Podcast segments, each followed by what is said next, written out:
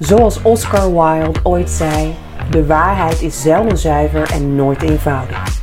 Toch komen we in het bedrijfsleven en de samenleving veel heilige huisjes als ontastbare waarheden tegen. Waarom lukt het niet om uit de dogma's van de heilige huisjes te treden? Sia Attaredian en Hanneke Vogels bespreken in iedere aflevering één van de dogma's en zetten ze in een ander licht. Wellicht kan het toch anders. Hallo allemaal, zijn we weer intussen episode 7.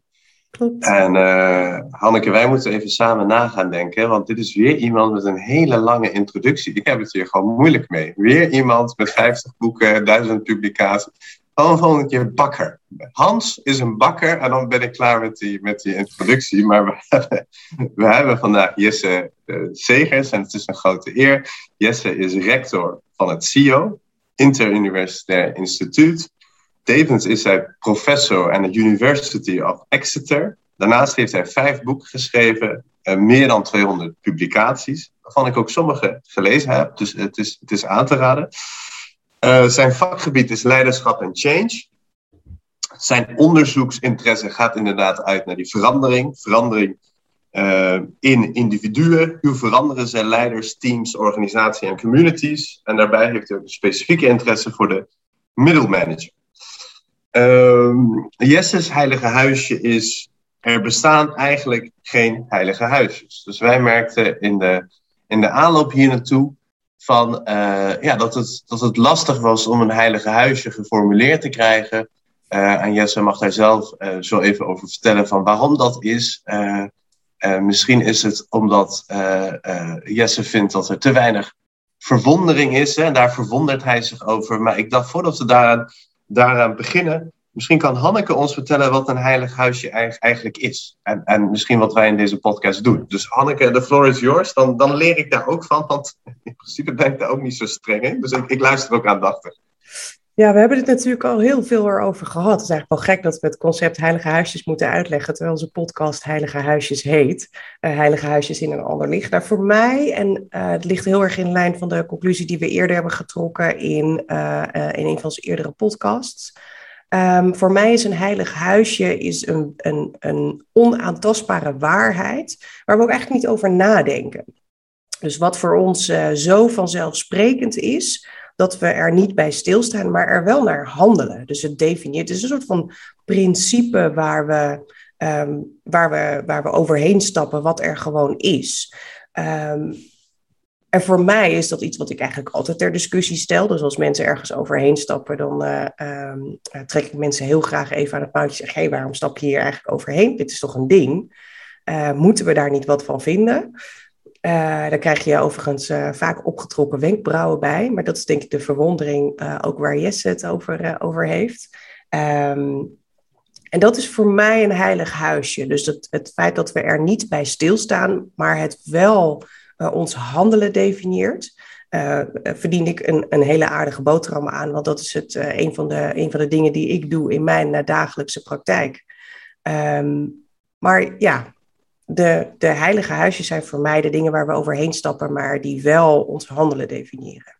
En als ik daar een, een toevoeging aan zou mogen doen, en, en dan kan moet maar zeggen of dat, of dat past hè, nog in dat beeld, is, we hebben het ook erover gehad, is zoals systemen, het, het, het had een functie, uh, maar er komt een punt waar het zich tegen ons gaat keren. Dus, dus zo'n zo'n uh, zo'n dogma of zo'n absolute waarheid is natuurlijk ook niet voor niets ontstaan. Het is niet uit de hemel komen vallen. Het had een aanleiding aan een historie. Maar er komt een punt waarvan je denkt van... hé, hey, als we het nu ook zomaar blindeloos aannemen... dan gaat het zich tegen ons keren. Kun je daarin ja. vinden? Ja, helemaal. Helemaal. Ja. Nou, Jesse, back to you. Uh, jouw heilige huisje, er bestaan geen heilige huisjes. Wil je die misschien iets toelichten? Ik ben nu aan het twijfelen of dat het een... Uh een goede titel is als dit de definitie is. Want eh, de reden waarom ik eh, eh, mijn associatie erbij was eh, vooral op dat idee van heilig en dat het dus onaantastbaar is, dat je daar niet aan mag komen. Dat hoor ik jou zeggen, Sia, van als we, dat dat wel belangrijk is om die dan te slopen of zoiets. Of als we het laten zoals het is, dan wordt het misschien problematisch. Omdat ik kreeg de vraag welk huisje of zo zou je willen slopen? Waar, waar maak je je druk of kwaad of, uh, of zo in? En ik merkte dat, dat ik dat een hele moeilijke vraag vond, omdat ik niet snel uh, fundamenteel over iets kwaad word. Uh, tenzij ik iets niet begrijp, en dan is het eigenlijk vooral een uitnodiging om dieper te gaan zoeken. Ehm, dus dat is altijd maar tijdelijk, maar, maar niet zoiets fundamenteel dat het niet kan veranderen. Dus, en, en dat is mijn associatie met dat heilige stuk. En dus dat, is, uh, dat staat daar ergens vast en dat kent geen evolutie ook zo. Hè. Uh, iets heel ideologisch. Uh, en ik verwonder mij wel, want ik zie wel veel variaties of vormen van, van kwaadheid in de maatschappij. Ehm, en ook die kan ik begrijpen. Uh, maar ik zie wel dat veel mensen dat ergens hebben van. Zo is het, dit is mijn waarheid. En dan wordt het bijna de waarheid. Uh, en als jij dat niet, niet aanvaardt, ja, dan wordt het heel spannend voor mensen. Uh, dan krijgen we een conflict. dus daarin, daarom dat ik erop zat te puzzelen van. En ik krijg zelfs een beetje angst als, als, als dat er wel zou zijn, als iemand vastzit in, in zo'n absoluut dogma. Uh, ik krijg daar niet, dat is een groot woord, denk ik, angst. Vroeger had ik daar angst van, denk ik, ja. Uh, en nu heb ik daar vooral mild, meer mildheid naar. Dus van, ja, die poogt ook maar op zijn manier of haar manier betekenis te geven aan wat er hem of haar overkomt. Uh, en die heeft die zekerheid blijkbaar nodig. Zo, hè. En, en zijn die uh, pogingen om, om de wereld om je heen te begrijpen? Uh, en ik moet er even eerlijk bij vertellen, ik ben gisteren naar theater geweest. Het, het was een ode aan de ironie. Mijn denken is daardoor een beetje beïnvloed. Dus mocht ik iets zeggen wat van die jongens en meisjes komt, hè, een ode aan de ironie, prachtige theaterstuk. En ik denk dat het mijn denken voor vandaag ook beïnvloed heeft. Dus een soort van copyright naar hun. Dus ga er vooral heen. Um, laat ik dit anders insteken. Wij hebben een keer op LinkedIn hadden wij een gesprek en het ging denk ik over Trump. En als je dat niet kan herinneren, is dat, is dat helemaal geen ramp. Maar um, het ging ook over het postmodernisme. Hè? Alles is maar een mening en uh, hè, al die ontsluitingen van die wereld. Iedereen doet ook maar zijn best. En die beste man Trump heeft gewoon, ik heb gewoon heel veel van hem geleerd. Uh, filosofisch kon ik een aantal dingen in mijn eigen hoofd testen. En uh, ik was iets milder naar hem dan jij was, denk ik. Hè? En, en dat wil niet zeggen dat jij mild was, maar je was milder dan ik was. En ik vind het fijn om hem dan in dit soort gesprekken als voorbeeld te nemen en af te zetten tegen Obama. En, en ik denk van ja, maar, maar zijn dit gelijkwaardige meningen? Zijn dit gelijkwaardige ontsluitingen? Zijn, kunnen we dan niks meer zeggen? Kunnen we niet zeggen van mogen we dan ook in dat postmodernisme waar we het over hadden, en je had het nog over post postmodernisme, maar is alles dan maar een mening, alles maar relatief? Of kun je echt zeggen dat uh, Obama fundamenteel een beter mens en een betere president is dan Trump? Dus op een gegeven moment, als men, en ik ga hem toch even verder pakken, uh, uh, als het mag. Um, het lijkt ook hè, dat als je je puberteit na de val van de muur hebt meegemaakt, en ik denk dat dat voor jou, uh, voor jou geldt, hè, um, is, is, het ook, ja, is, is het ook een beetje het einde van de, de idealen, hè? einde van echt ergens voor gaan staan, einde van echte absolute waarheid.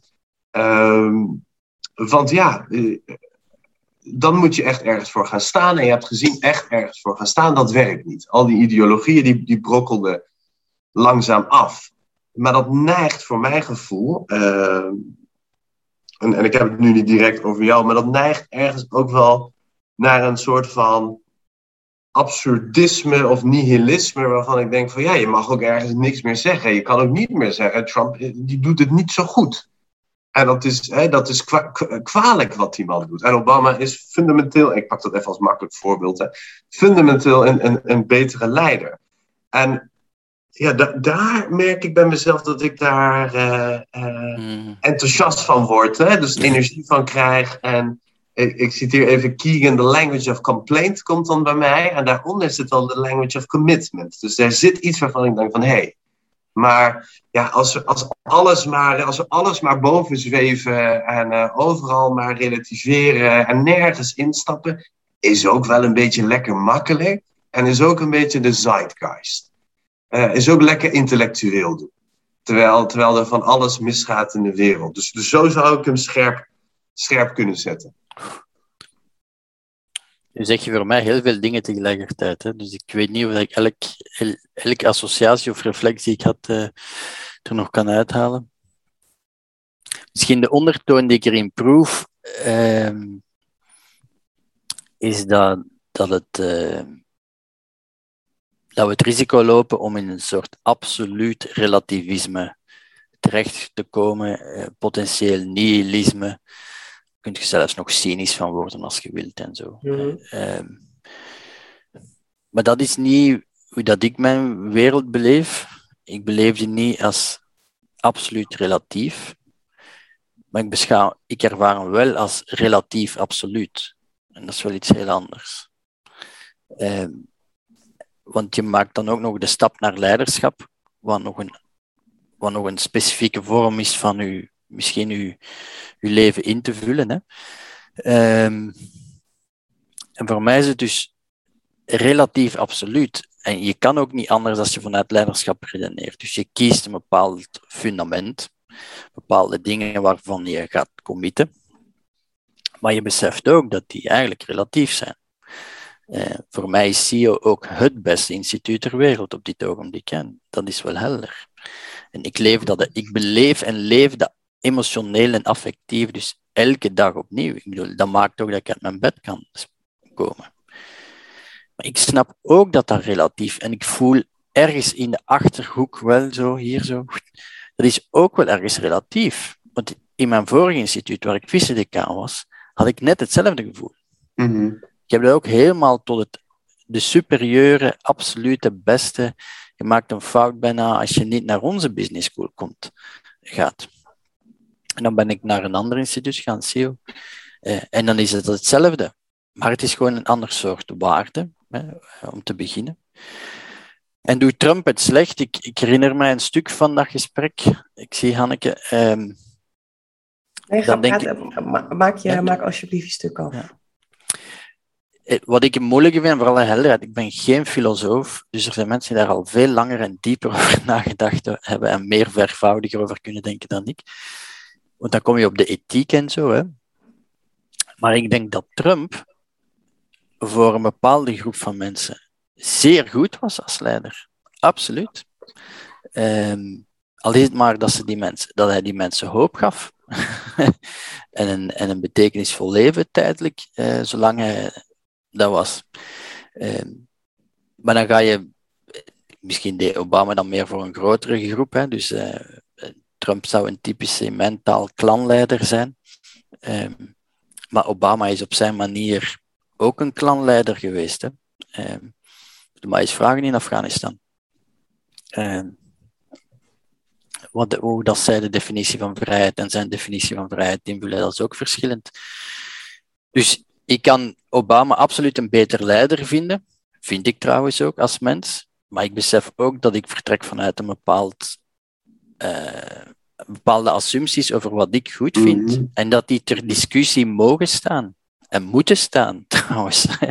dat we de eeuwige twijfel erin moeten houden. Van het ogenblik, als leider ga ik daar natuurlijk voor gaan staan. En tegelijkertijd wil ik daarmee ook in dialoog gaan met mensen die er anders over kijken. Dan kunnen we nog hebben over type conflict, want je refereert naar Keegan. Ehm, als dat Robert Keegan is, dan is het nog wel interessant om, om even uh, die schrijft iets heel interessants over hoe je met conflict kunt omgaan in zijn uh, boek In Over Our Heads. Maar Hanneke, jij wou iets ja, wat daarnaast toevoegen vragen. Ja, wat bij mij heel erg uh, bleef plakken, wat je, wat je zei, uh, was over dat je je verbonden voelt met, uh, met de purpose eigenlijk die je nu hebt. Simon Sinek schrijft daar heel, veel, heel veel over op dit moment. Um, en purpose is voor mij minder een rationeel ding. Het gaat veel meer over het hart, wat we daarin voelen, dan dat we het, mhm. eh, dat we het, het kunnen verklaren. Uh, en zit daar dan niet ook het onderscheid tussen, tussen uh, purpose en heilige huisjes? Dus dat, dat die ontastbare waarheden iets van het hoofd zijn, ehm, voor een heel groot deel, en purpose en die verbondenheid, wat veel meer gaat over, over mens, over hart, over, over ergens iets bij voelen. Het goede, het goede voelen. En dat voor mij er, uh, en daar hebben we in de vorige podcast met, met René ten Bos ook al over gesproken. Over absolute waarheden als het gaat over hoe je als mens met elkaar verbonden bent en wat wel kan en wat niet kan. Um, dat is hier denk ik ook voor een groot deel wel zo. Is dat een heilig huisje op het gebied van het hart echt wat anders is, anders is dan een heilig huisje op het gebied van het hoofd. En dat daar wellicht ook een stuk strijdvaardigheid komt wanneer het op, het, op een heilig huisje van het hart aankomt. En kun je dat, Hanneke, kun je dat, kun je dat specificeren? Heb je een voorbeeld waarbij er eentje van het hart is en eentje van het hoofd? Um, nou, mooie vraag, zie, maar uh, dan moet ik, moet ik even graven. Eentje van het hart is denk ik de uh, volledige overtuiging, de diepe overtuiging. Nou, bijvoorbeeld eentje van uh, rondom abortus. Een discussie die uh, wereldwijd vrij groot is. ik ben een vrouw, dat, deze discussies gaan mij heel erg naar het hart. Dat er een wet zou kunnen zijn dat ik niet mag beschikken over mijn eigen lijf. Maar dat zit heel diep, dat zit in mij. Um, terwijl als je hetzelfde voorbeeld neemt als het gaat over um, um, dat, dat het indruist tegen het principe van mensen die uh, een bepaalde religie aanhangen. Dat ze zeggen, ja, maar dit kan niet, want het gaat over het leven. Dat is ook een ding van het hart. als je dan vervolgens kijkt naar Um, even denken, wat zou nog een mooi heilig huisje zijn? Nou ja, in mijn, in mijn salespraktijk gaat het heel vaak over: uh, moet je wel mensen koud opbellen zonder dat je ooit met ze contact hebt gehad of hebt gesproken, of moet je dat niet doen? Uh, nou, de meeste mensen die aan de andere kant van de telefoon zeggen: Nou, dat moet je echt niet doen. Um, de mensen die uh, in sales zetten zeggen: nou, Dat moet je wel doen. Um, dus dat is dan meer, dat is voor mij meer een ding van het hoofd. En dat zijn best wel felle discussies die op beide vlakken kunnen, kunnen gaan. Ik heb ze op LinkedIn uh, veelvuldig gevoerd. Um, maar dat zijn wat mij betreft twee heilige huisjes uit een hele andere orde. Mm. Die, die, die, die, die zitten niet op hetzelfde level voor mij. Dus zit daar dan, kunnen we niet ergens ook een, als het gaat om mildheid, jij noemt het mildheid, uh, ik probeer ook altijd beschouwend te zijn naar wat een ander vindt en um, uh, wat hij als waarheid of, of absoluut ziet.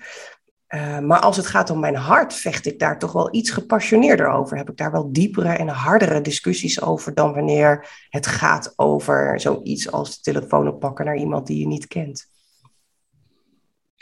Dit, dit roept bij mij een vraag op aan, aan, aan jullie beiden. En in deze is er echt geen goed of fout. Dus ik, ik merk, Hanneke, wat je aanstipt, vind ik, vind ik een heel mooi thema ik wil daar stiekem ook heel graag op reageren, maar ik doe dat even niet. Uh, maar wat Jesse aanstipt vind ik ook heel mooi. Van, uh, ja, dat iemand voor een bepaalde doelgroep een, hele goede leider kan zijn. En uh, nou ja, dat dat, dat een, een, soort van in, in die intersubjectiviteit past. Hè? Van, van ja, wat, wat beleef je en wat ervaar je? En dat je altijd je eigen vertrekpunt hebt. En, en, nu is mijn vraag aan jullie beiden: van op welke zullen we uh, verder gaan? Want we kunnen niet uh, allebei tegelijkertijd bespreken. En ik heb bij allebei ook hele uh, nou, enthousiaste gevoelens bij, vanuit het hart, denk ik. Maar dus Wat een vraag aan jullie beiden. kiest Jesse als onze ja, ik, ik, weet niet of dat die twee zo, zo verschillend zijn voor mij. Mm -hmm. ik ben te weinig thuis in de in de literatuur die spreekt over morele intuïtie. Daar, dat gaat, uh, dus in de filosofie weet ik, is heel lang cognitie geweest en zo. Op een zeker moment spreken ze nu ook over morele intuïtie. Joshua Green en zo schrijft daar uh, heel dikke boeken over. Uh, van dat, we dat we een intuïtie hebben over wat juist en fout is en dat dat redelijk universeel zou zijn. Dat is ongeveer wat ik daar in al mijn eenvoud dan eh, van heb onthouden. Ehm, maar of dat dan nu een. En ik kan, ik kan wel volgen dat er dingen dichter op jezelf zitten en andere niet. Dat een wat meer het meer uh, affectieve, want dan er wat meer cognitief is. En dat dan andere ladingen krijgt. Um, al zijn die soms ook heel interwoven volgens mij. Um, wat dat je denkt is misschien een gevolg van wat dat je voelt en omgekeerd en zo. Maar goed, de, beide zijn wel in, blijven interessant en dan moeten we nog wel de, de stap nemen naar, naar kijken we vanuit de leiderschapslens, want vanuit de leiderschapslens kan je niet enkel beschouwend zijn, hè? moet je op een zeker moment ook betrokken zijn. Hè? Ehm, maar de pendelbeweging tussen die twee, de, uh, Job Cohen is blijkbaar ooit beschreven als de betrokken beschouwer. Um, en dat is, hij heeft me dat ooit eens verteld, um, dat journalisten hem zo typeerden. Maar ik vind dat wel een hele boeiende positie vanuit leiderschap gekeken, dat je een betrokken beschouwer bent. Hè? Uh, het, is, het is voor mij met een warm hart en een koel hoofd dat je moet bewegen. En misschien is Trump net het omgekeerde daar, hè? een koud hart en een heet hoofd. Dat zou zo maar kunnen. Um, maar voor mij is, en dat is dan mijn norm van wat leiderschap is, is een warm hart en een, uh, en een koel hoofd. Maar ja, het omgekeerde, er is ook van alles voor te vertellen. Eh, vanuit een koud hart en een, uh, en een heet hoofd. Daar zijn ook leiders die daar volgens bepaalde definities van succes, als dat een onderdeel moet zijn van goed leiderschap, wat ook een discussie op zichzelf is. Ik vind van niet. Um, maar anderen vinden van wel. Daar goede resultaten mee halen. Hè. Um, dus wie ben ik dan weer om te zeggen dat mijn model van leiderschap een superieur model is? En het andere, en dan koppel ik aan waar ik start en wat dat, waar volgens mij verbonden is, Hanneke. Het, het start volgens mij, en dat zegt wat, wat Kiegen, dus opnieuw in mijn woorden. Als wij nu conflict maken met elkaar, dan is de vraag: beschouw ik mezelf als een afgewerkt product? Of beschouw ik mezelf als een half afgewerkt product? Want als jij als een afgewerkt product beschouwt, en ik zelf beschouw me als een afgewerkt product, en ik associeer daarmee dat we dus heilige huisjes hebben die niet aangeraakt mogen worden, want ik ben afgewerkt en jij bent afgewerkt. We hebben ons eigen verhaal, we zijn self-authoring geworden, we hebben onze eigen manier van kijken geworden. We hebben conflict, dan betekent dat een verliessituatie. Want als wij alle twee door één deur willen, moet ik een stukje afgeven en jij moet een stukje afgeven, water in de wijn doen. En hebben we het gevoel van, nu ben ik een stukje minder en dan kunnen we door die deur en daarna kan ik terug Jesse zijn. In zijn volheid. En jij terug mm Als ik mezelf beschouw als een half afgewerkt product, en jij ook, dan als wij ruzie maken, dan denk ik, ah, dit is gewoon een stukje Hanneke in mezelf dat ik nog niet ontdekt heb. Of waar ik nog geen vrede mee heb, of dat ik dus verder moet omarmen of exploreren enzovoort. En jij een stukje Jesse. Uh, dat je nog niet ontdekt hebt of waar je nog geen vrede mee hebt. En als we dat doorwerken, dat conflict, dan zijn we eigenlijk verrijkt. Want nu ben ik een stukje Jesse plus Hanneke en jij bent Hanneke plus een stukje Jesse. En hebben we eigenlijk conflict gezien als wauw, fantastisch, dit is win-win. Dit is zelfs verrijkend, want we zijn interdependent, noemt hij dat dan. Hè? We zijn niet onafhankelijk, maar we zijn interafhankelijk van elkaar. En ik denk, of dat dan nu affectief of cognitief is, dat blijft wel hetzelfde voor mij. Of dat ik nu een stukje nog niet ontdekt heb van waarom ik dit zo belangrijk vind. Waarom dat ik uh, dat zo emotioneel voel van hier mag, hier mag je niet aankomen, want dan raak je iets zeer fundamenteel. Dat fundament heb je wel ergens meegekregen. Ja. Zo, hè. Dus in dat opzicht lijkt mij dat van een andere intensiteit of van een tijdsduur die er soms nodig is om uh, het door te werken. Maar de, beide zijn wel hetzelfde in hun onderliggend proces of zo. Sia, jij wil daar graag op reageren. En als ik daar ehm, op verder door mag vragen, hè? Dus dat is ook echt in het, uh, in het vragen en in het niet weten. Dus ik hoop dat, je, dat jullie uh, mij daarbij kunnen helpen.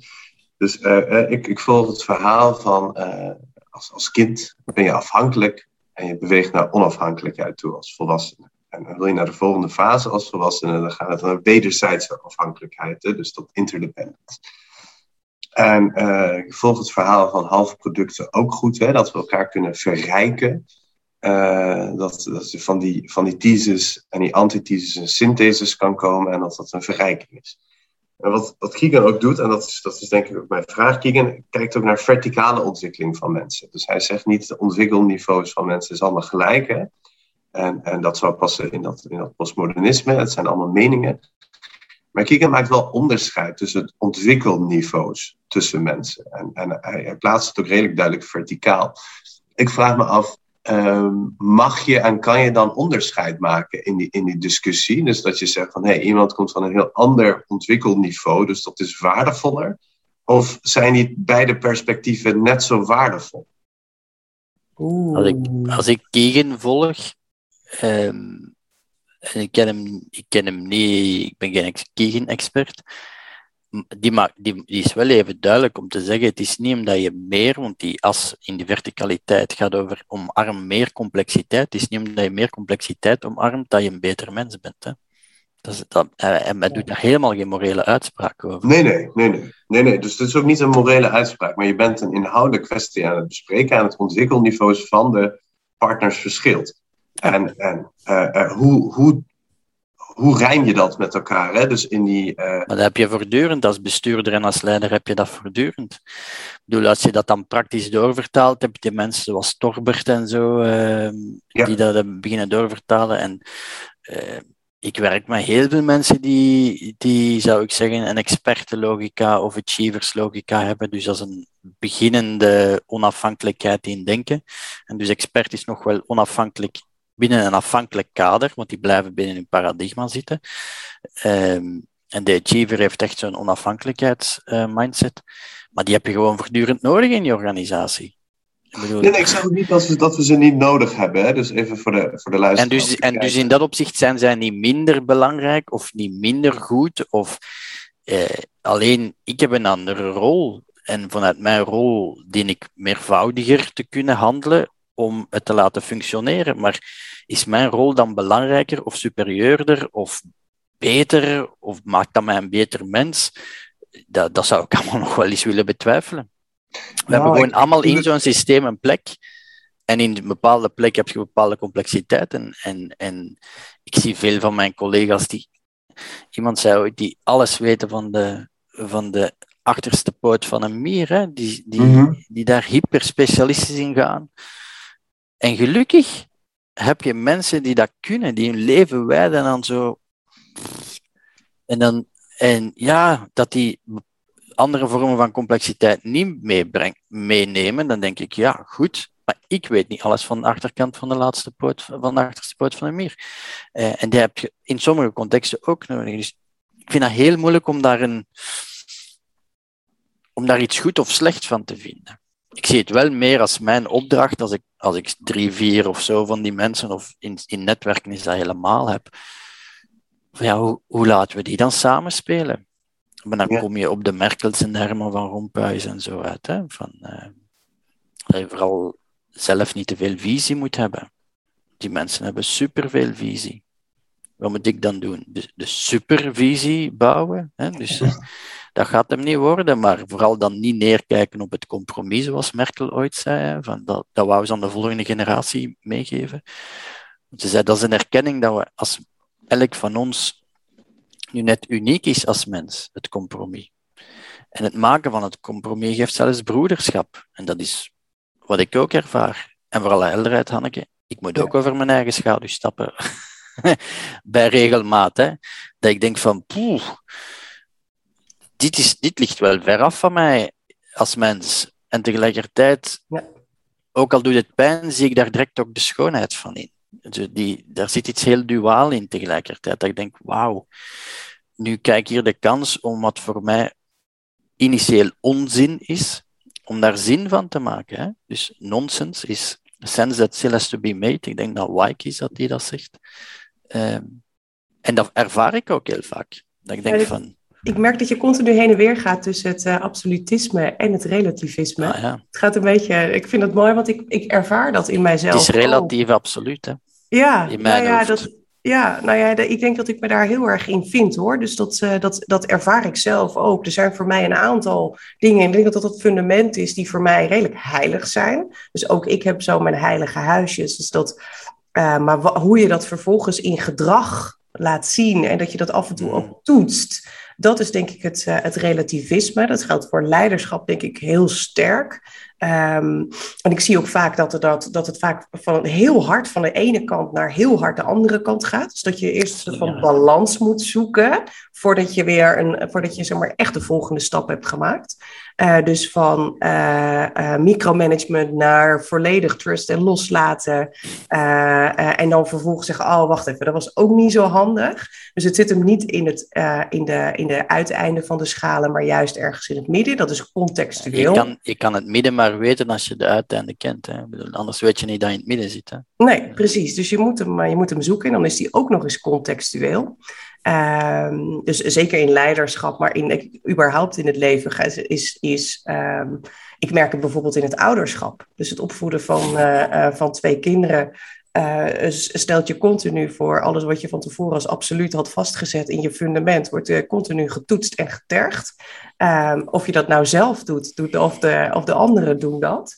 Um, en daarvoor openstaan, ik denk dat dat als, als er iets een heilig huisje is, is dat het een open blik hebben naar wat gebeurt er hier. Het bewustzijn van het mm. zagen aan het fundament, of je dat nou zelf doet of een ander doet, dat dat hetgene is wat uh, ontwikkeling of groei of uh, uh, verfrissing, vernieuwing veroorzaakt, verbetering. Welk, welk, welk, welk label je er ook op wil plakken.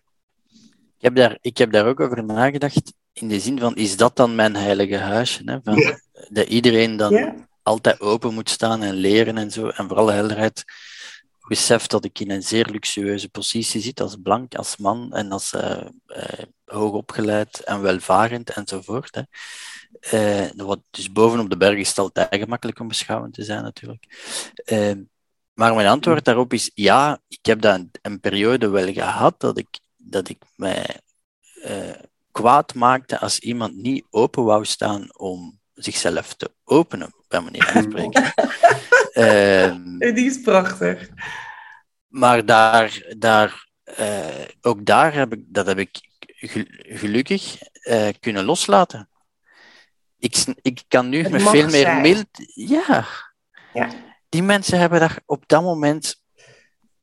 Wie ben ik om, om te zeggen dat opnieuw mijn manier van daar naar kijken dan de betere is. Ik zie mensen die heel gelukkig zijn. Uh, iemand zei me recent, enkel in een klein huis kan je helder denken. Ja. Uh, dus die zijn blij dat, ze, dat zij uh, ja, hun antwoord hebben gevonden op hoe, dat je, hoe je het leven te leven hebt. Nee, maar dat, en, dat, maar en dat staat dan stabiel en vast. Dat ja, dat is een absolutisme voor ja. hen. En dan denk ik, ja, uh, prima. Uh, ik, ik kan daar allerlei dingen naast zetten. En of dat je dat nu mee oppakt of niet oppakt. Ik ga daar ook heel zelden nog, eh, denk ik, al zal mijn vrouw dat beter weten dan ik, ik heb het gevoel dat ik veel minder als vroeger daar überhaupt een strijd van zal maken. Ik zal dat eens onderzoeken van is hier ruimte? En dan denk ik, ja, er is geen ruimte, oké.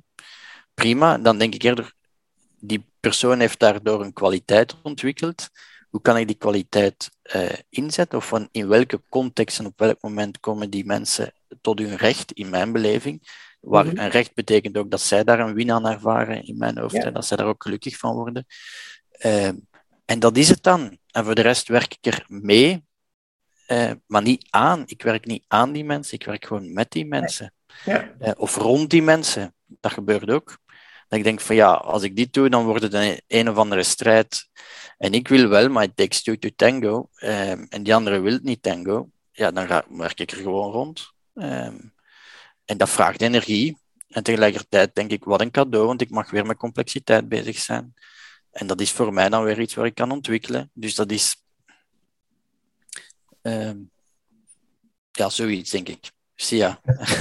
nee, nee, heel helder verhaal. Doet me trouwens denken aan, aan wat... Uh, uh, die podcast hebben we nog niet online gezet. Uh, maar aan wat Wouter ten Haven zei, uh, hoogleraar veranderkunde, is uh, wat heb je toe te voegen? Mm-hmm. Dus dat iedereen iets toe te voegen heeft en dat leiderschap niet je 10% extra bonus is of meegaan op heidagen, maar de waarde is die je toevoegt. En dat hoor ik jou ook zeggen tussen het verschil van de expert hè, en, de, en de achiever. De expert is iemand die vakkundig inhoudelijk iets toevoegt, maar wel binnen de paradigma van, van zijn vak. Dus die kijkt daar niet echt uh, buiten.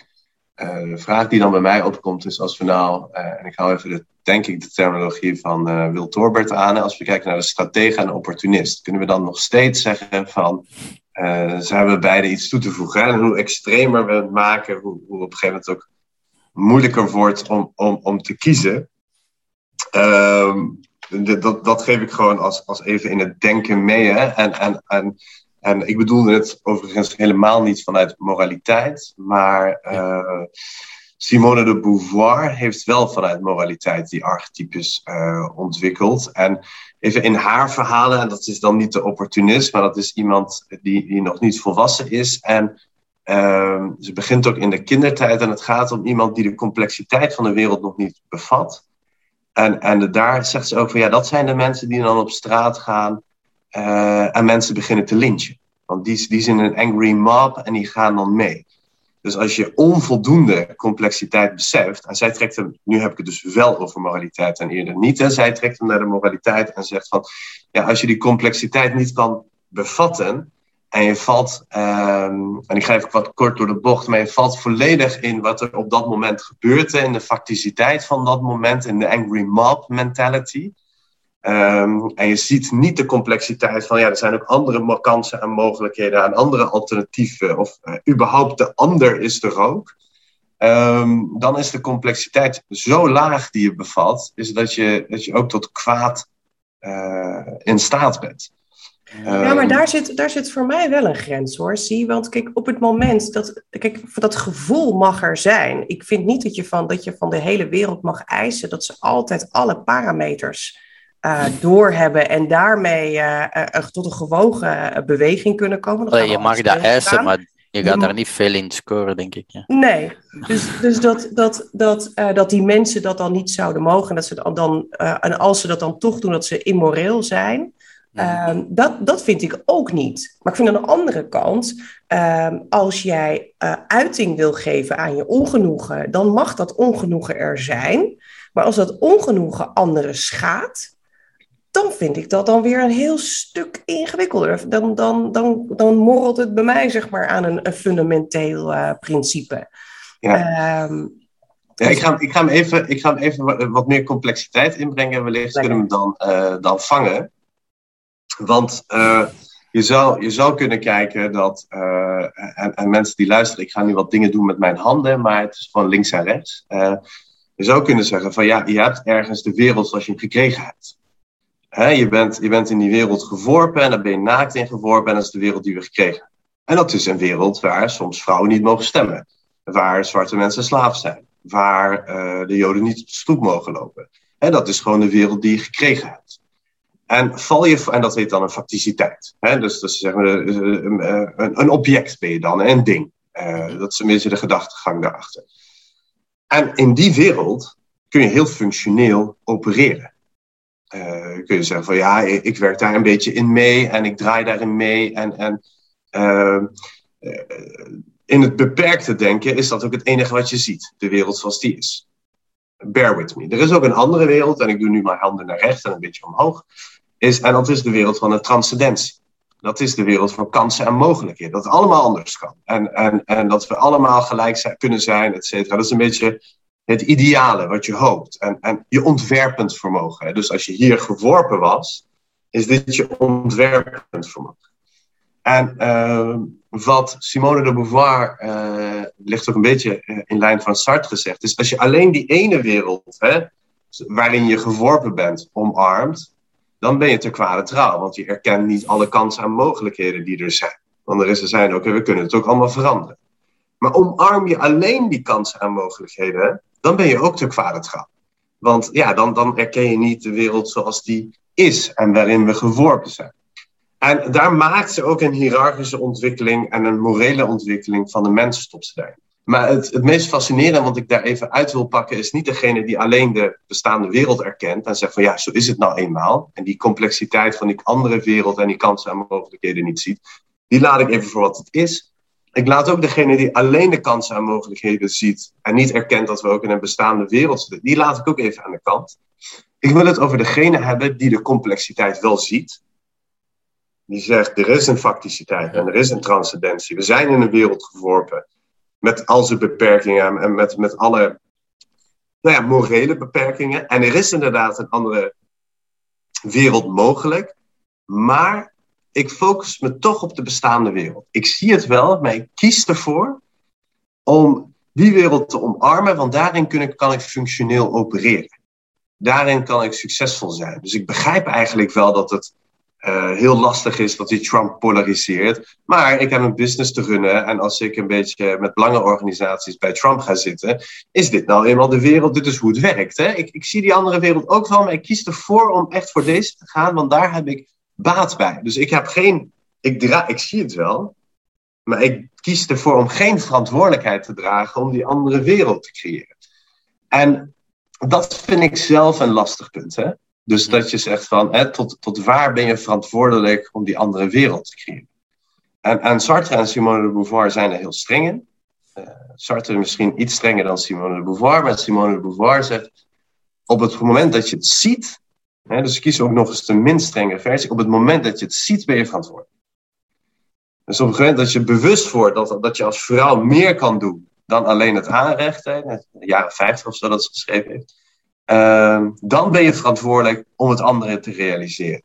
En mijn vraag aan jullie is: hebben wij die verantwoordelijkheid? Want uh, ik denk dat we uh, in, in, dit gesprek allemaal de complexiteit zien. Hebben wij de verantwoordelijkheid om ook tegen die mensen te zeggen: van ja, maar er is ook een andere wereld. En, en daar moeten we voor strijden. En als we dat niet doen, dan mogen vrouwen nog steeds niet stemmen, zijn zwarte mensen nog steeds uh, slaven. En wij zullen vast in deze tijd ook die problemen hebben. Uh, ik heb hier echt een hele uitgesproken mening over, maar uh, Jesse, ga je gang. uh, ik heb daar een iets minder uitgesproken mening over, gok ik dan. Ehm, in, die, in die zin, ik ben niet zo streng als Simone dat dan zou zijn. Ehm, het gaat voor mij over de gradaties waarin, van de scope waarin dat je dan leiderschap wilt opnemen. En als je het dan ziet en je zegt ik ga dat voor alle vrouwen doen en daardoor eigenlijk ook per definitie voor alle mannen, hè, want dat is dan een, weer een interdependente logica, eh, dan, dan ga je heel breed eh, daarin en, dan, en ik kan daar enorm veel waardering voor hebben. Maar ik kan me niet aan het idee voltrekken dat dat in zijn abstractie leuk klinkt, maar in de operaties een permanente strijd is tussen mhm. verschillende niveaus van, uh, die dan toch strijden met elkaar tof dat jij dan een hele bevrijding probeert voor de vrouwen, maar dan ga je misschien wel last hebben met je kinderen en neem je daar minder verantwoordelijkheid voor op. En misschien moet je man dat doen en zo, dat is een heel andere discussie. Maar de verschillende levels, die strijden ook permanent met elkaar. Ik merk ook, als ik nu in een, in een uh, minder goede economie strijd om mm, SEO uh, vooruit te blijven helpen, dat kost enorm veel tijd die ik niet in mijn dochter kan steken. En ik heb verschillende rollen. Ja, ik ben de eindverantwoordelijke van CEO, maar ik ben ook vader van mijn dochter. En is het ene dan beter dan het andere? Moet ik dan voor het grotere collectief, en dan voordat je het weet zit nog in een utilitaristisch gedachtegoed, hè, eh, namelijk dat van CEO en de, en de inkomens die daaraan gekoppeld zijn aan onze missie, is die dan beter of zo dan, dan ervoor zorgen dat ik een, uh, mijn dochter tot volwassen verantwoordelijke persoon mee kan helpen opvoeden. Ik vind, ik vind dat een heel moeilijke. Dus dat is opnieuw een keuze van hoe wil je betekenis geven aan jouw leven. En ik ben heel blij als mensen voor meer verantwoordelijkheid willen nemen, als juist zichzelf, als juist hun, hun, hun noden van hun gezin, maar ook voor iets dat hun transcendeert, iets dat groter is dan hunzelf.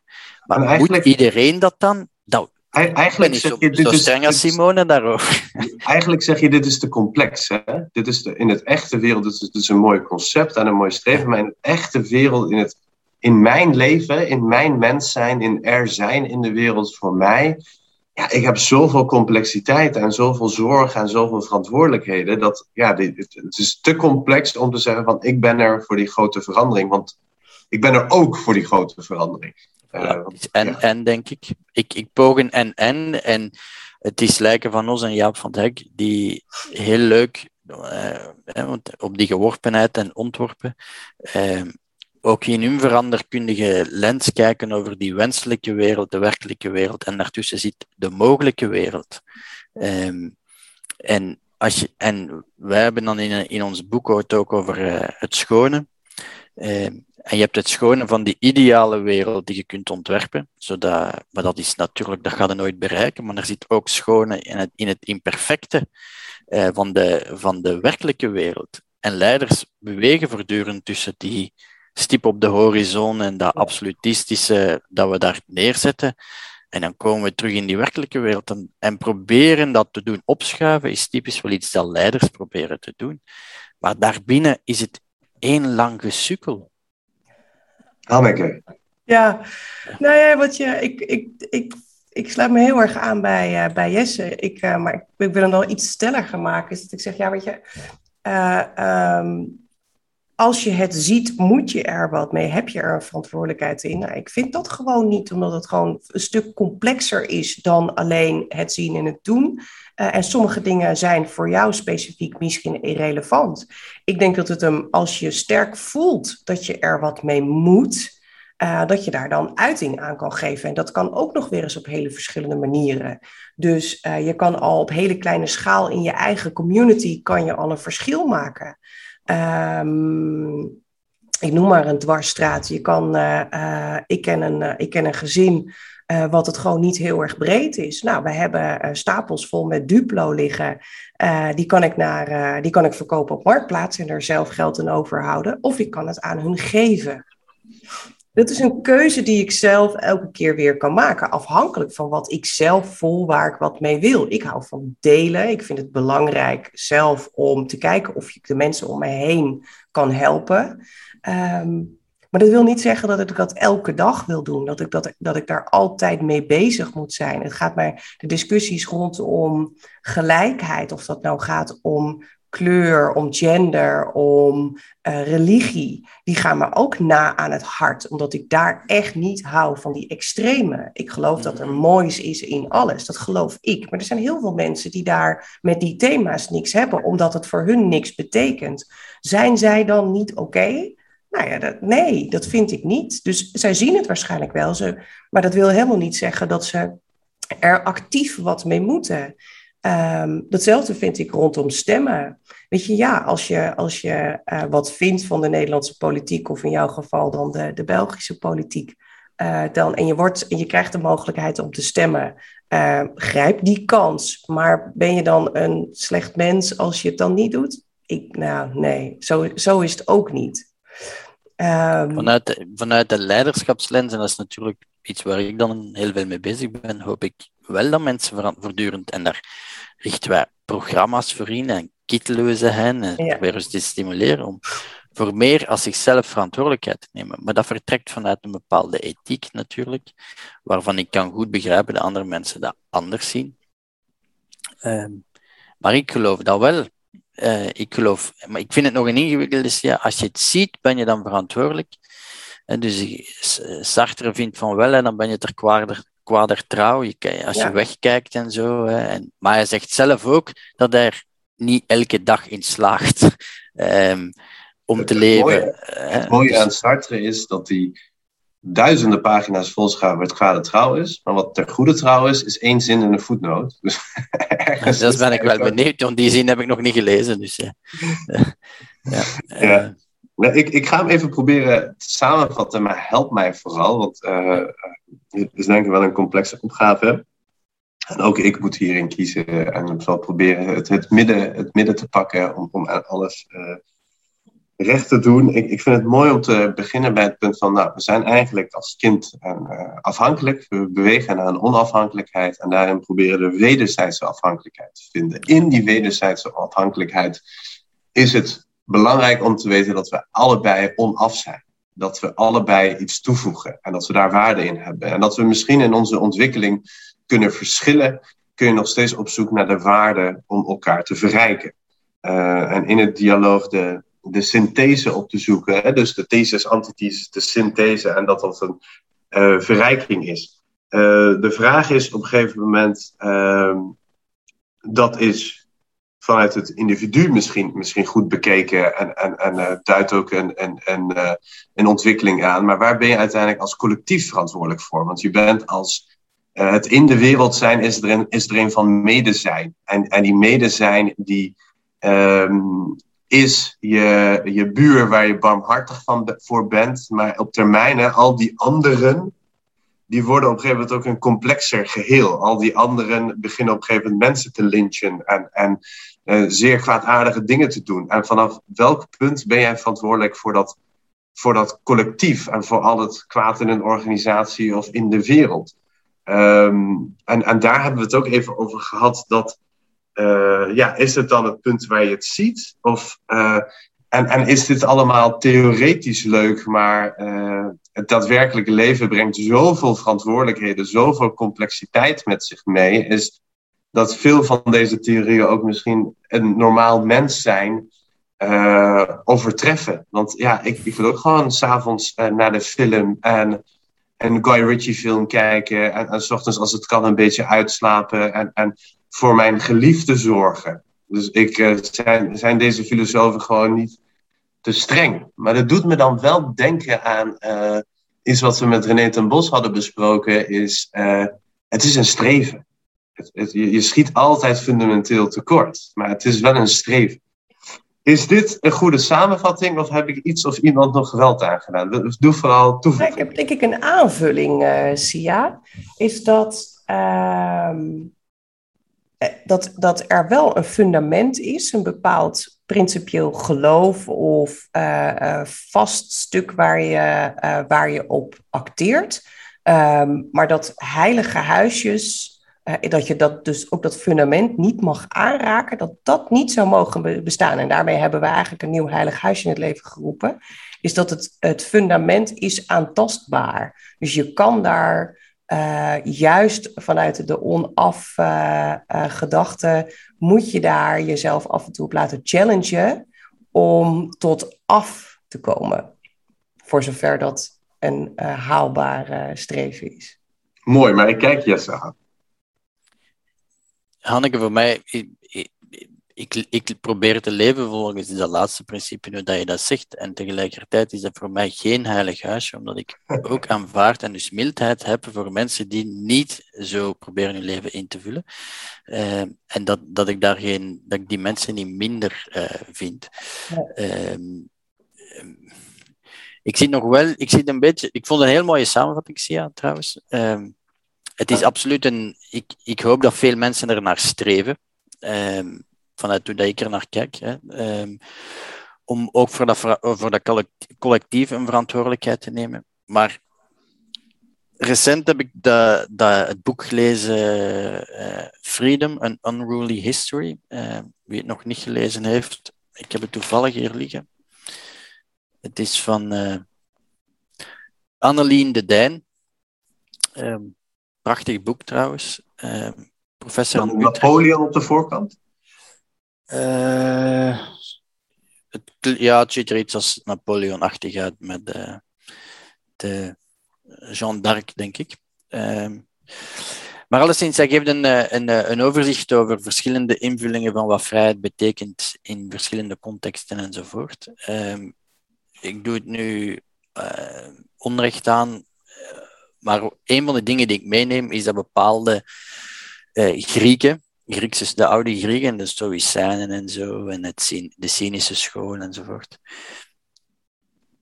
Ik weet niet hoe jij er dan naar kijkt. Eh, ook zoiets zeggen, iets zeggen van, je kan perfect vrij zijn onder een dictator. Hè? Het gaat over innerlijke vrijheid. Dus ja, dat collectief, dat kan verschrikkelijk eruit zien. Ik kan midden in een oorlog zitten. Ik kan in een, in een, uh, in een nazikamp terecht zijn gekomen. Maar ik ben wel innerlijk vrij. Um, omdat ik zelf betekenis geef enzovoort, of ik kan mijn passies en mijn uh, beheersen enzovoort. Dus dat zijn mensen die dan misschien geen verantwoordelijkheid nemen voor iets groter, maar zichzelf wel heel vrij voelen. Terwijl er zijn natuurlijk dan een soort definitie van positieve vrijheid, zou Berlin dan zeggen, en dan heb je die negatieve vrijheid. Uh, ik heb nu net recent een uh, stuk geschreven, dat moet nog verschijnen in Holland Management Review, waar ik probeer die relatie tussen vrijheid en leiderschap en dat in historisch perspectief, en wat dat voortdurend een spannend huwelijk is met elkaar, naar gelang hoe dat je leiderschap verstaat en dat je vrijheid verstaat, en hoe dat, dat onderling dan nog eens allemaal, en ook nog leiderschapsontwikkeling met spanning gaat. Ehm, dus ja, dat is nog een hele andere invulling, waar als ik naar die boeddhisten kijk, denk ik, ja, um, nemen die dan zoveel verantwoordelijkheid voor dat groter geheel? Misschien beginnen die zich bij zichzelf en daardoor per definitie veranderen ze al iets. Hè? Uh, want ja, het is natuurlijk ook weer interactioneel. Maar daar heb je ook weer stromingen, zoals die Thich die vindt dat, dat er een soort activistisch boeddhisme moet zijn. Uh, dat het niet gewoon lekker mediteren onder een boompje is en uh, daardoor verandert de wereld wel. Ehm, ik ben daar niet uit. Ik, ik hou wel van mensen die wat activistisch zijn. En dat moet niet mijn vorm van, activist, van activisme zijn. Maar ik snap ook mensen die zeggen: ik begin gewoon bij mezelf. Maar omdat die al met een heel andere energie de kamer binnenkomen, veranderen ze ook dingen zonder dat ze de intentie hadden om iets te veranderen. Of zonder dat ze zien dat ze iets willen veranderen, veranderen ze wel iets in functie van wat ik dan ervaar als ten goede. Ja. Dus het is voor mij ja, zo, zo gelaagd en complex dat ik er mijn hoofd niet rond krijg, buiten dat ik rustig word. Als ik het als relatief absoluut kan zien. Uh, dat ik denk van ja, dat is het. Om dan drie weken later te denken, en dat is ook weer relatief. En ja. want het is complex, temporeel enzovoort. Ja. Maar er zijn wel voor mij altijd tijdelijke absolutismes waar ik mijn leven aan wil wijden. Uh, ja ik, eh, je zegt een aantal dingen die, die ik in ieder geval uh, fascinerend vind. Dus ik weet niet of ik iets zinnigs daarover kan zeggen, maar ik vind het leuk om daar iets over te zeggen. Dat, dat boeddhisme is, ik ben uh, in Myanmar heb ik tien dagen uh, stilte-retret gedaan. Is tien dagen in 50 graden, non-stop mediteren, vijf uur s ochtends opstaan tot s avonds. En, en ehm, en ik had meditatieervaring. Uit de vechtsport had ik al uh, gemediteerd. Dus bij YouTube is dat een onderdeel. En op een gegeven moment werd het stress op werk te groot. Ik mediteren. Dus ik kwam er ook niet helemaal als groentje in. En uh, volgens mij is dat uh, Vipassana of zo. Die stijl is ook een bepaalde stijl. het is net een andere stijl dan die van Dalai Lama. En dat is volgens mij het Noord-Boeddhisme en het Zuid-Boeddhisme volgens ook exact de stappen die, die Boeddha heeft doorlopen om op dat traject te komen. Dus je volgt ook echt bepaalde stappen en een bepaalde techniek. En belangrijk daaraan is een equanimous mind. Hè? Dus, dus, een, dus een geest wat in het midden is, wat zich niet, niet op laat vinden. Um, en hoe lang ik daar, en ik, het is al enige tijd geleden, en ik ben daar geweest, hè, ik heb dat gedaan, en het is ook iets wat ik niemand aanraad maar voor mij waardevol was. Dus dat is, het zit een beetje een, paradox aan. Ehm, maar als ik het einde van mijn gedachten zou vertellen, is dit, is dit niet ook gewoon een beetje onverschilligheid? Hè? Dus ik sprak een keer een, een vriendin van mij uit, uh, uit Berlijn en die, die uh, nou, ze heeft soms wat stress en ze zei ook van, ja maar ik wil niet zo leven. Ik wil me druk maken. Ik wil, ik wil me gepassioneerd voelen. Dus dat is waar ik aan moet denken van die, van die boeddhisten. En dat is een beetje mijn, mijn, mijn kritiek daarop, hè, dus in mijn eigen ervaring. Maar dan, het volgende wat ik had opgeschreven is stoïcijnen. Uh, stoïcijnen, en volgens mij is dit van Seneca. Uh, stoïcijnen zeggen, en, en denk maar ook even aan die tijd, een paard met een kar. Denk daar maar aan. Zij zeggen eigenlijk, zit je vastgebonden aan die kar. En die kar gaat. Dat is de logos van het universum. En het enige wat jij kan doen is je daartoe verhouden. Dus het draait om mijn innerlijke rust en mijn innerlijke vrijheid. Want die kar die dendert verder, dat is de logos van het universum. En, en, die, die, en die konden dat ook. Dus er zijn voorbeelden, ik weet niet of de minister was van Nero, die, die stoïcijns is. En die, die zijn eigen leven ontneemt. En dat doet hij heel stoïcijns, omdat dat moest van Nero. Dus die hebben daar echt een berusting maar juist de andere filosofen waar we het over hebben, de, hadden, de fenomenologen, de Sartre, Simone de Beauvoir en, de rest, die nemen daar fundamenteel afstand van. Die zeggen, hou eens op met die geintjes van in je eigen hoofd. Het gaat om in, wat je in de wereld doet. Dus daar zijn ook uh, verschillende visies over.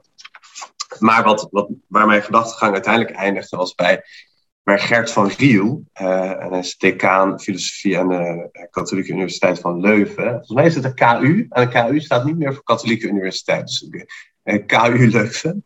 Um, en, en, en, hij heeft een interpretatie, een specifieke interpretatie van Plato, wat ook tot de minderheid behoort. Er zijn 15% van de filosofen die daarin geloven.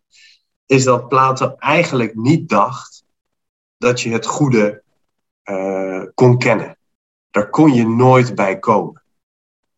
En, dat is, en die koning-filosoof, dat kan niet. Dat is de interpretatie ergens van Aristoteles van Plato. En, en de historie heeft dat overgenomen. Maar Plato en uh, Plotinus, dus, dus de lijn van Plato, die zeggen dat helemaal niet. Het ene, het goede, kun je helemaal niet kennen. En daar kun je ook niet bij komen. Maar, maar, dat wil niet zeggen dat alles relatief is. Dat wil niet zeggen dat het allemaal. Je hebt idealen, ideeën. Je hebt idealen waar je naar moet streven. En die idealen, ja, het klopt. Die zitten alleen in de ideeënwereld. Dus die zijn niet bij ons. Hè. In het ondermaanse, in het dagelijks leven, lukt dat niet. Want wat voor jou rechtvaardig is, is dat niet voor mij. Maar dat wil niet zeggen dat er een ideaal van rechtvaardigheid is waar we naar moeten streven. En dat we daar altijd in tekort schieten, dat, dat kan, maar die ideaal is er wel. En, en dat vond ik op een gegeven moment ook een mooi, mooi punt. Als je echt weet wat het goede is, dan moet je naar ISIS gaan, want die, die denken dat ook. En dan kunnen we dat allemaal aan iedereen opleggen. Maar ik vind ook wel dat hij de ondergrens, dat gemak van ja, dat is ook een mening, die, die, die, die schuift hij ook omhoog. Dus hij zegt toch, ja, maar dat die, die idealen zijn er wel. Het schoon, het ware, proportioneel, weet ik veel. Die idealen, die zijn er wel. En daar moet je naar streven. En dat vond ik... En voor alle helderheid zie je, dat, dat, dat, ik worstel daar ook mee. Hè. Maar omdat ik geen absoluut antwoord heb gevonden, blijf ik in dat relatieve zitten. Van waar dat die ondergrens zit. Um, ik heb ooit in, uh, in zo'n therapieopleiding, zei iemand tegen mij, Jesse, pak mijn ergernis niet af. Het is het enige wat ik nog heb. Oh. Ja. Ik vond dat zo heerlijk. Je zag al die cellen in dezelfde richting staan, strijden voor iets. Hè. En ik dacht dat dan te relativeren. En pak dat niet af. Het is het enige dat ik nog heb. En wat meer is, mijn vader is een kunstenaar. Net vanuit die ergernissen en vanuit dat absolutistische dat daar soms in zit, ontstaan de schoonste kunsten. Ja. Ja. En, en, maar de omgekeerde richting, helemaal weg ervan, richting die uh, rustige geest van die boeddhisten, ja, dat is ook iets. En daar bestaan ook fantastische dingen uit. Ik weet het niet wat dat we moeten doen. Dus ik, ik wissel maar tussen die twee af en toe. Is het misschien een chaos, een soort van kosmische soep van al die tegenstrijdigheden die, die tot elkaar uh, het leven maken? En die hebben allemaal hun eigen verrijking. Ja, dus de, de, de bizarre uh, contradictie dat wij als mens continu streven naar dat absolutisme, naar de waarheid en naar alles wat daarbij hoort.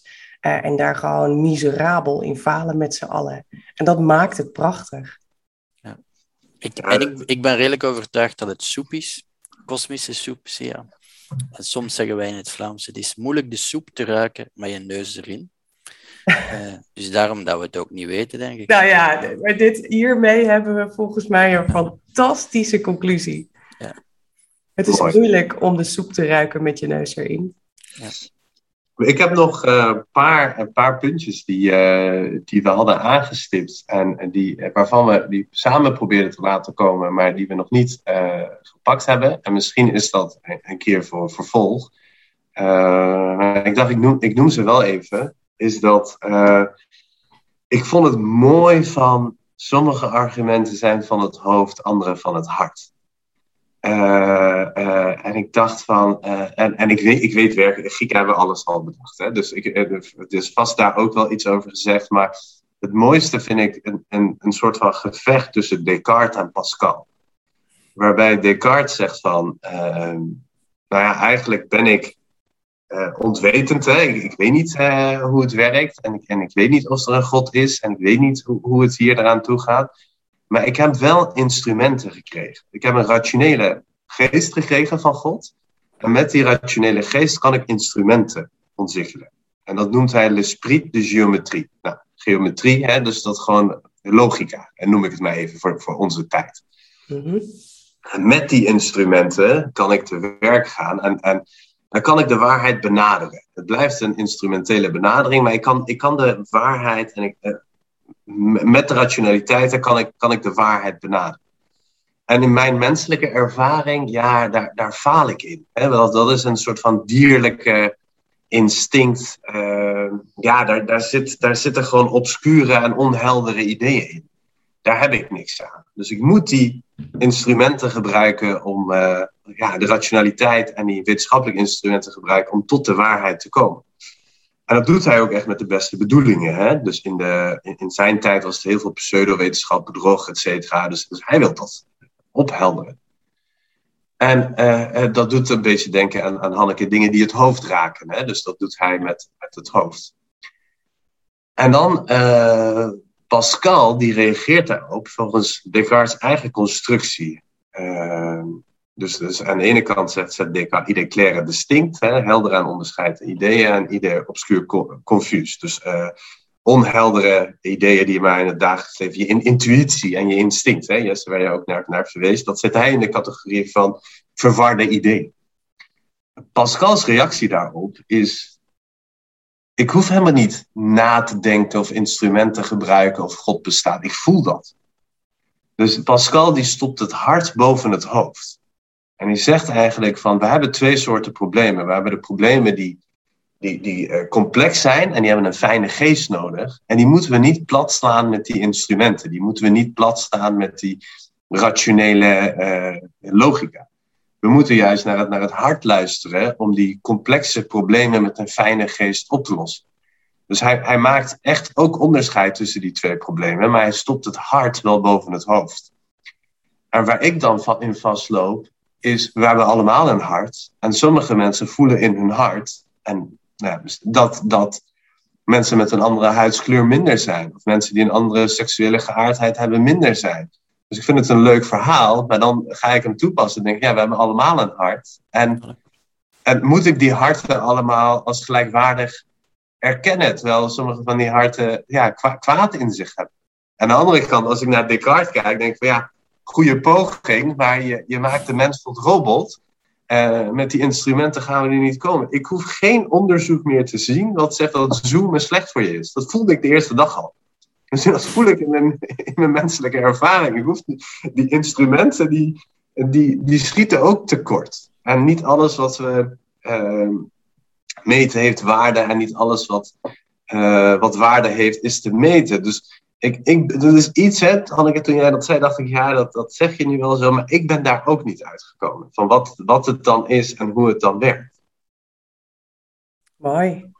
Wederom geen antwoord. Als je in de soep zit uh, met je neus, kan je niet ruiken. Dan helpt het wel als er buitenstaanders zijn. Hè? Dus uh, ik heb daar ook geen antwoord op. Ja, ik, ik denk, ik, voor mij is het weer interdependent en die twee hangen samen. Ik, zuiver denken zonder emoties of emoties zonder cognitie, dat lijkt mij niet aan de orde. En dat Zoom niet goed is, niet goed voor wie? Ik bedoel, eh, misschien niet goed voor mij als mens, misschien wel goed voor de organisatie waar ik verantwoordelijk voor ben, want daardoor kan ze blijven lopen, ondanks uh, zoiets als COVID. Dus het is altijd zo temporeel, contextueel, meervoudig, ehm, dat ik het moeilijk vind om een absoluut antwoord te geven. En tegelijkertijd sukkel ik ook met dat relatieve daarin. Dat daarin dus ik, ik hou het maar op mijn relatief absolutisme. Ehm, ik kies mijn absolutismes en, en ik lach er ook eens goed mee. Ehm, en ik zit in een luxe positie waar ik vaker mee kan lachen, voor alle helderheid. Ja. Uh, want... wel, wel mooi, dan eindigen we met waar we begonnen. Er, er, zijn geen heilige huisjes, maar ook dat weten we niet zeker. Nee, ook uh, dat weten we niet zeker. Nee. nee. Jesse, ik wil jou heel erg bedanken voor, ja. je, uh, voor je tijd en het prettige gesprek. Nou ja, we hebben elkaar misschien een paar keer eerder gesproken. Ik vind het altijd een, een genot en ik probeer altijd toch een beetje... Fijn. Ik probeer toch ook altijd te prikken en te porren en En ik vind dat we daar altijd uh, goed, goed uitkomen. Uh, Hanneke, heb jij nog uh, toevoegingen? Nou, ik vond het wederom een heel waardevol gesprek om te zien hoe we vanuit verschillende hoeken, verschillende invalshoeken kunnen kijken naar dezelfde materie. Ehm, dit is precies wat wij wilden met deze podcast. Dus heel hartelijk dank Jesse dat jij vol overgave eigenlijk onze eigen missie van het goede gesprek en wellicht niet tot een antwoord komen, maar dat is dan ook goed. dat je daar vol overgave in mee bent gegaan. Dus dank je wel. Jij dank om mij te vragen en te prikkelen. Dus, yes. Fantastisch.